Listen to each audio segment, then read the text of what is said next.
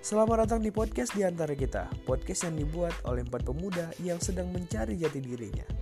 Podcast ini kami buat berhubungan dengan beberapa hal yang sering terjadi di sekitar kita, baik yang sedang viral atau mungkin yang perlu dibahas oleh anak-anak muda yang perlu peka terhadap lingkungannya.